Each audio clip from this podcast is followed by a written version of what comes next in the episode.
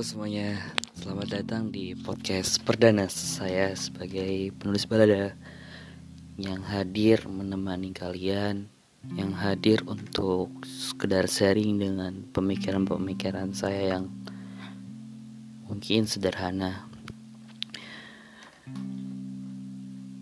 Kalau kalian tidak asing dengan istilah tak kenal maka tak sayang, Apakah benar? Jika benar, mari kita berkenalan. Oke, okay, kenapa saya ngambil penulis balada? Penulis itu bisa juga sebagai sebutan bagi orang yang melakukan pekerjaan menulis atau menciptakan karya tulis. Dan balada sendiri maksudnya adalah sajak yang sederhana tentang kisah-kisah rakyat yang mengharukan. Kadang-kadang bisa dinyanyikan juga, kadang-kadang berupa dialog. Ternyata menjadi penulis balada itu nggak gampang. Banyak banget cara-caranya bagaimana kita bisa menyampaikan kepada pembaca atau yang melihat karya saya sebagai penulis balada. Kadang balada juga di sini diikuti oleh kisah-kisah yang nggak selamanya tentang cinta, bisa saja tentang perjuangan, bisa aja tentang kisah-kisah yang tragis, atau bisa juga tentang semangat. Tergantung latar penulisnya seperti apa.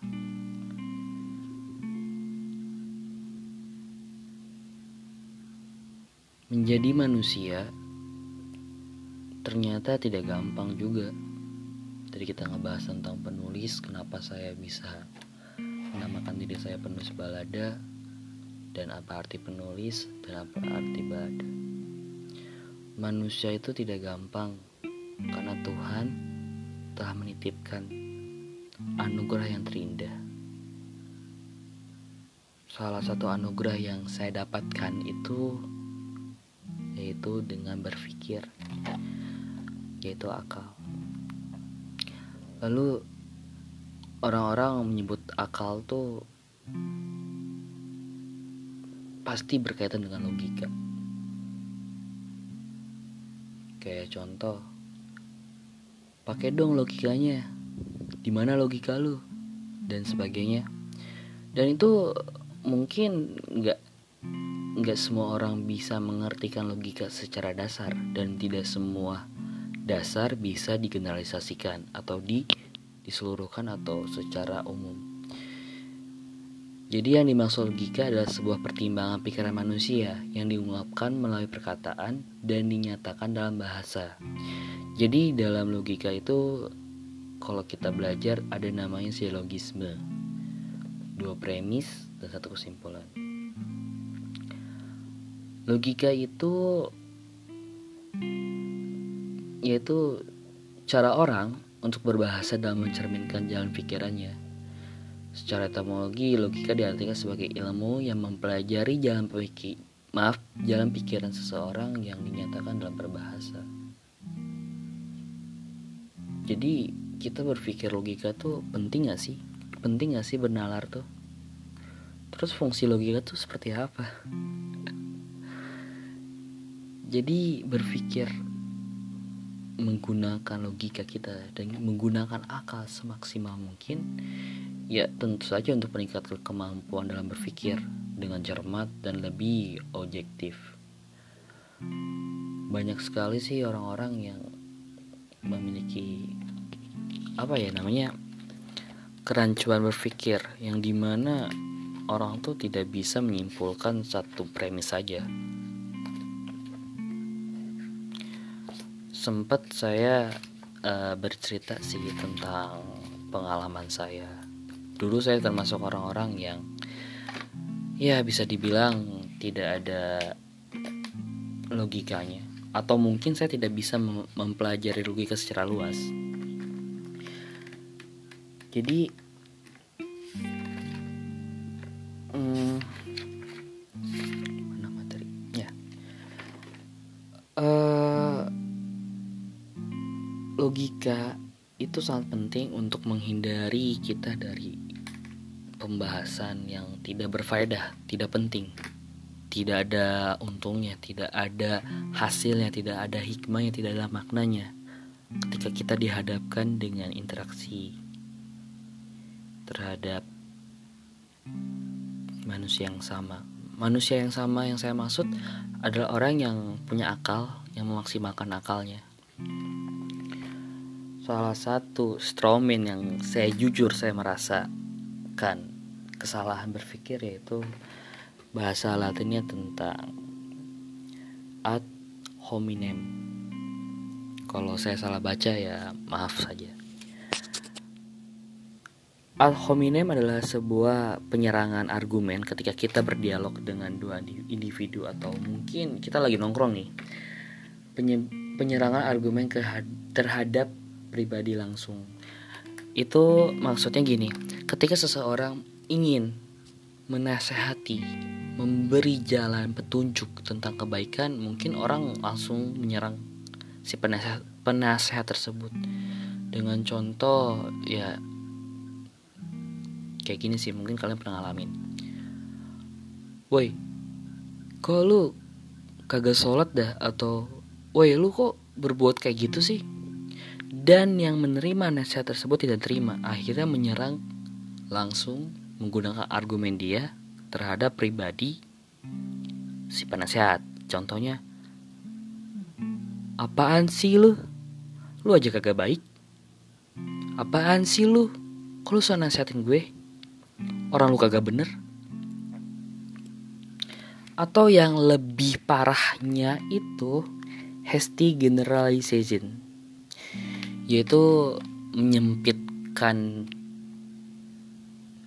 atau menyimpulkan data maaf menyimpulkan data yang sempit tapi dia menjabarkan dengan makna yang luas. Contoh saya suka nih nasi goreng di jalan A di dalam kota B. Dan saya ingin merekomendasikan makanan yang menurut saya enak terhadap maaf bukan terhadap kepada teman saya. Bro uh, lu harus makan di jalan A deh. Ini nasi goreng atau makanan yang paling enak yang pernah gua makan di kota B.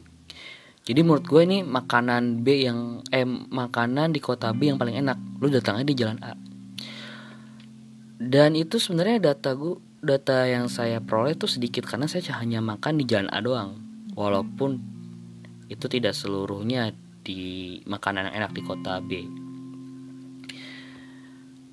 Saya ingin mengajak teman-teman sih, mengajak teman-teman untuk berpikir melalui konsep komprehensif integral. Di sini ada dua kata, ada komprehensif dan integral. Apa itu komprehensif? Apa itu integral? Komprehensif adalah menyeluruh, integral adalah menyatu.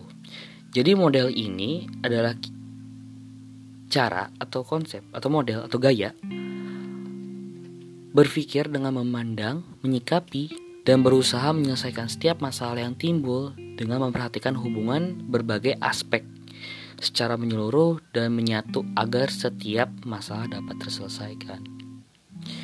Ya, pemikiran ini sih mendasari kehidupan masyarakat atau negara yang merupakan satu sistem.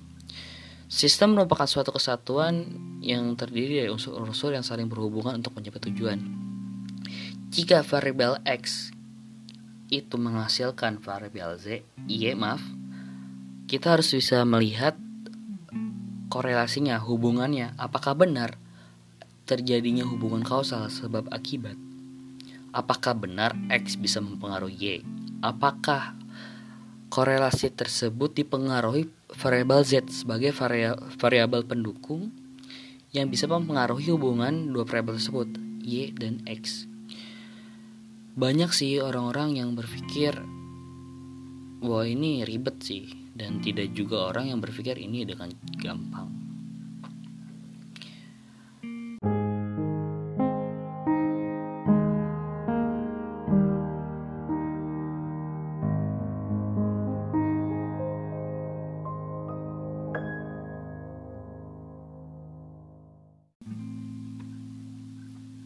Dan saya juga ingin kalian dapat menilai sesuatu kejadian, masalah yang timbul secara komprehensif integral. Dan saya ingin mengenalkan penilaian holistik. Penilaian holistik adalah cara keseluruhan, hampir sama sih maknanya dengan komprehensif integral ini.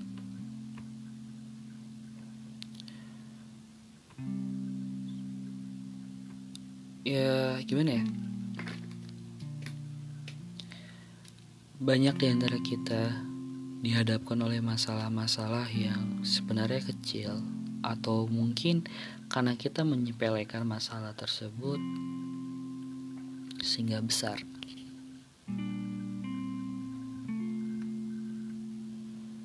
Dan juga banyak orang yang tidak memperdulikan masalah dan mengubur masalah tersebut dengan masalah yang lebih besar sehingga masalah itu numpuk dan dia kewalahan.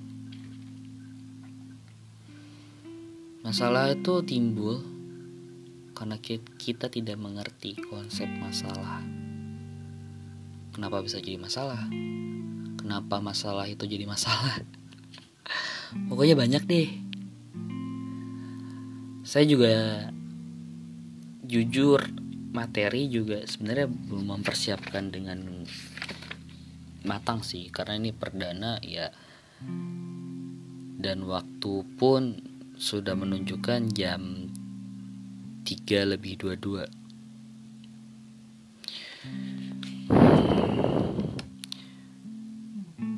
masalah yang dihadapkan kepada manusia melalui segala peristiwa pertis, peristiwa alam, bencana, dan di antara dialog yang menjadi masalah, Tuhan ternyata menyisipkan, Tuhan ternyata ingin memberi kita hikmah dengan apa yang terjadi sekarang.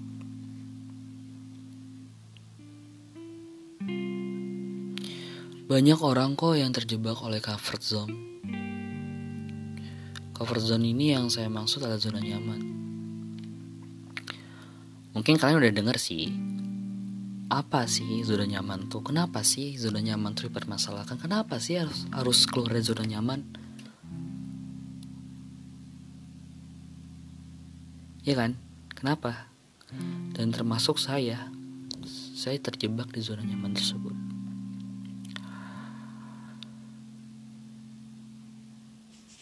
Jika benar kalian merasa di zona nyaman atau merasa kok kegiatan gue gitu-gitu aja ya. Berarti pendengar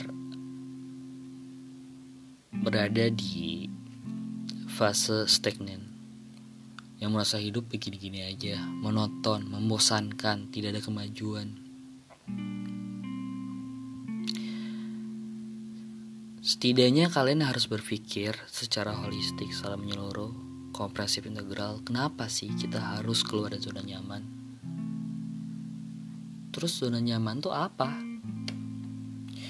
Mengapa sih zona nyaman tuh bagian dari masalah psikologi dasar? Kenapa sih zona nyaman itu dibenturkan kembali oleh super ego kita? Kenapa? Menurut pakar psikologi, behavior psikologi Alexander White dalam bukunya From Comfort Zone to Performance Management. Uh, beliau mengatakan, zona, zona nyaman adalah sebuah keadaan di mana seseorang merasa terbiasa dan nyaman karena mampu mengontrol lingkungannya. Dalam keadaan ini, orang orang-orang yang berada di dalam zona nyaman tersebut jarang banget merasa gelisah dan jarang mengalami tekanan yang mengakibatkan stres.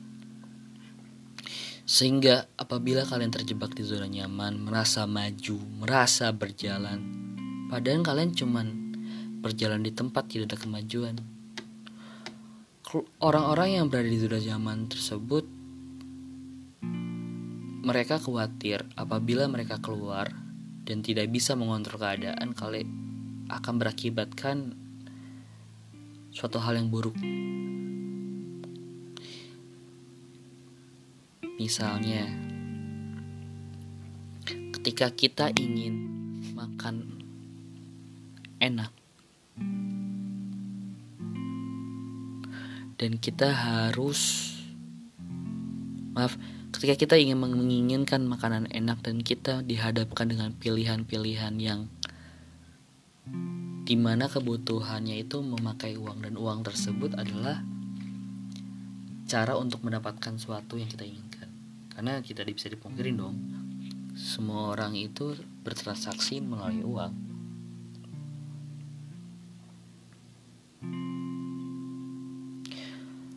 Ketika kita ingin makan enak di luar hujan, aduh kalau keluar nih hujan, aduh ini mendung, padahal kalian lapar. Sudah nyaman ya pasti di rumah. Masak mie, indomie, pasti kan. Tapi karena ingin makan enak kalian harus keluar keluar dari zona nyaman dari kasur. Atau dari rumah yang anget pakai selimutan kalau hujan. Contohnya itu sih yang bisa yang bisa saya uh, maaf yang bisa saya jabarkan bisa saya ceritakan dengan secara simple dan sederhana.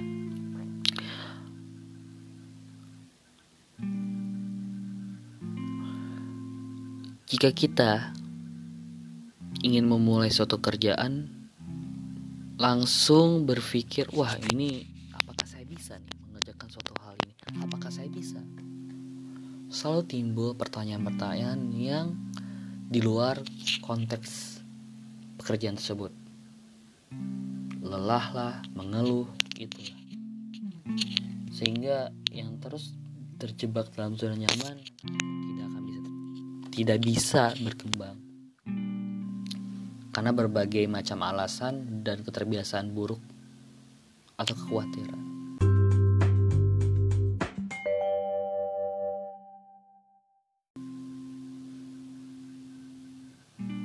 Sebenarnya untuk podcast sekarang saya ditemani oleh teman saya.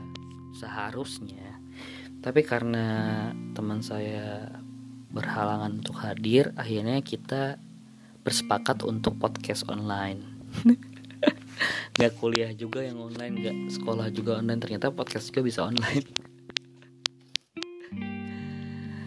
Namanya tidak ingin disebutkan identitasnya seperti apa orangnya gimana ganteng atau cantik nggak ada yang tidak ingin dijelaskan seperti itu. Dia ingin disebut sebagai Gama aja. Nama ya mungkin nama keren kali ya. Padahal kagak norak. Jadi cara berpikir berpikir cara berpikir cara berpikir yang saya ingin tawarkan di di prolog atau trailer saya ya seperti inilah. Kita harus bisa memandang uh, suatu kejadian dengan perspektif yang berbeda dari kebanyakan mayoritas. Dan kita harus bisa mewadahi pikiran kita dengan logika yang sehat memaknai hidup dengan cara yang hidup pula memaknai logika dengan logika juga dan tidak semua orang bisa memahami logika karena saya pun belajar logika itu seperti apa apa manfaatnya seperti itu. Mungkin pembahasan ini masih gimana ya? Masih loncat-loncat sih antara materi 1, materi 2, materi 3 yang saya siapkan. Karena ini terlalu gimana ya? Terlalu dibilang berat kagak, dibilang susah juga kagak karena sebenarnya saya tidak bisa berbahasa formal dengan baik.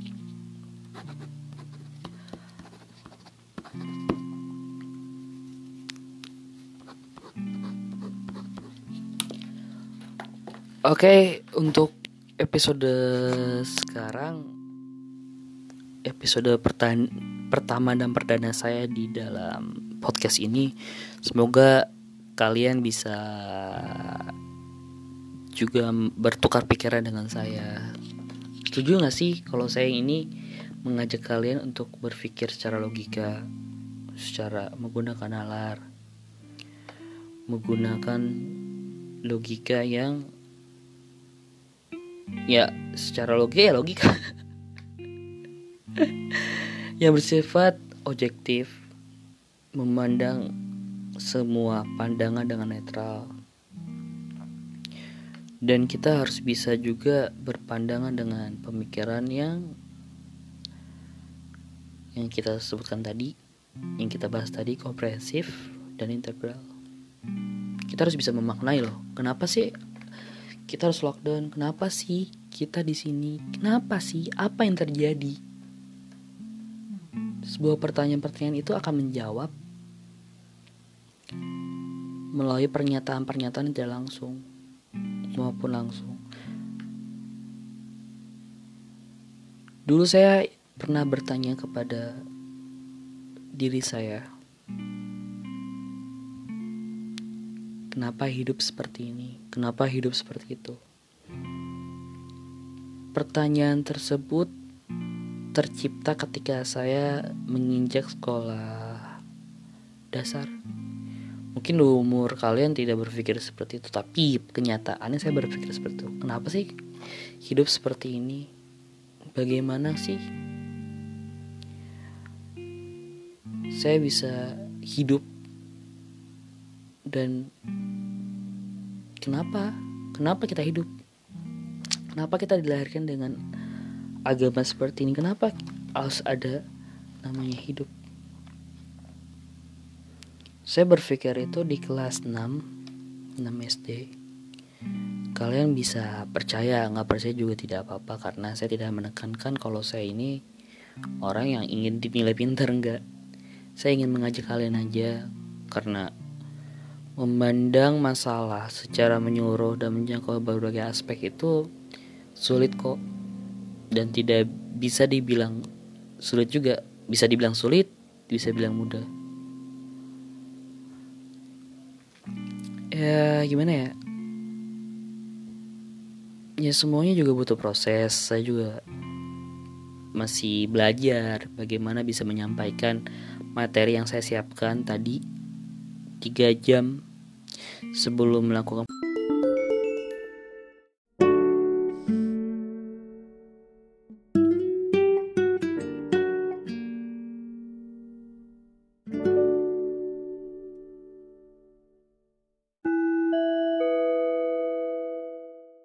podcast dan sekarang sudah jam setengah empat.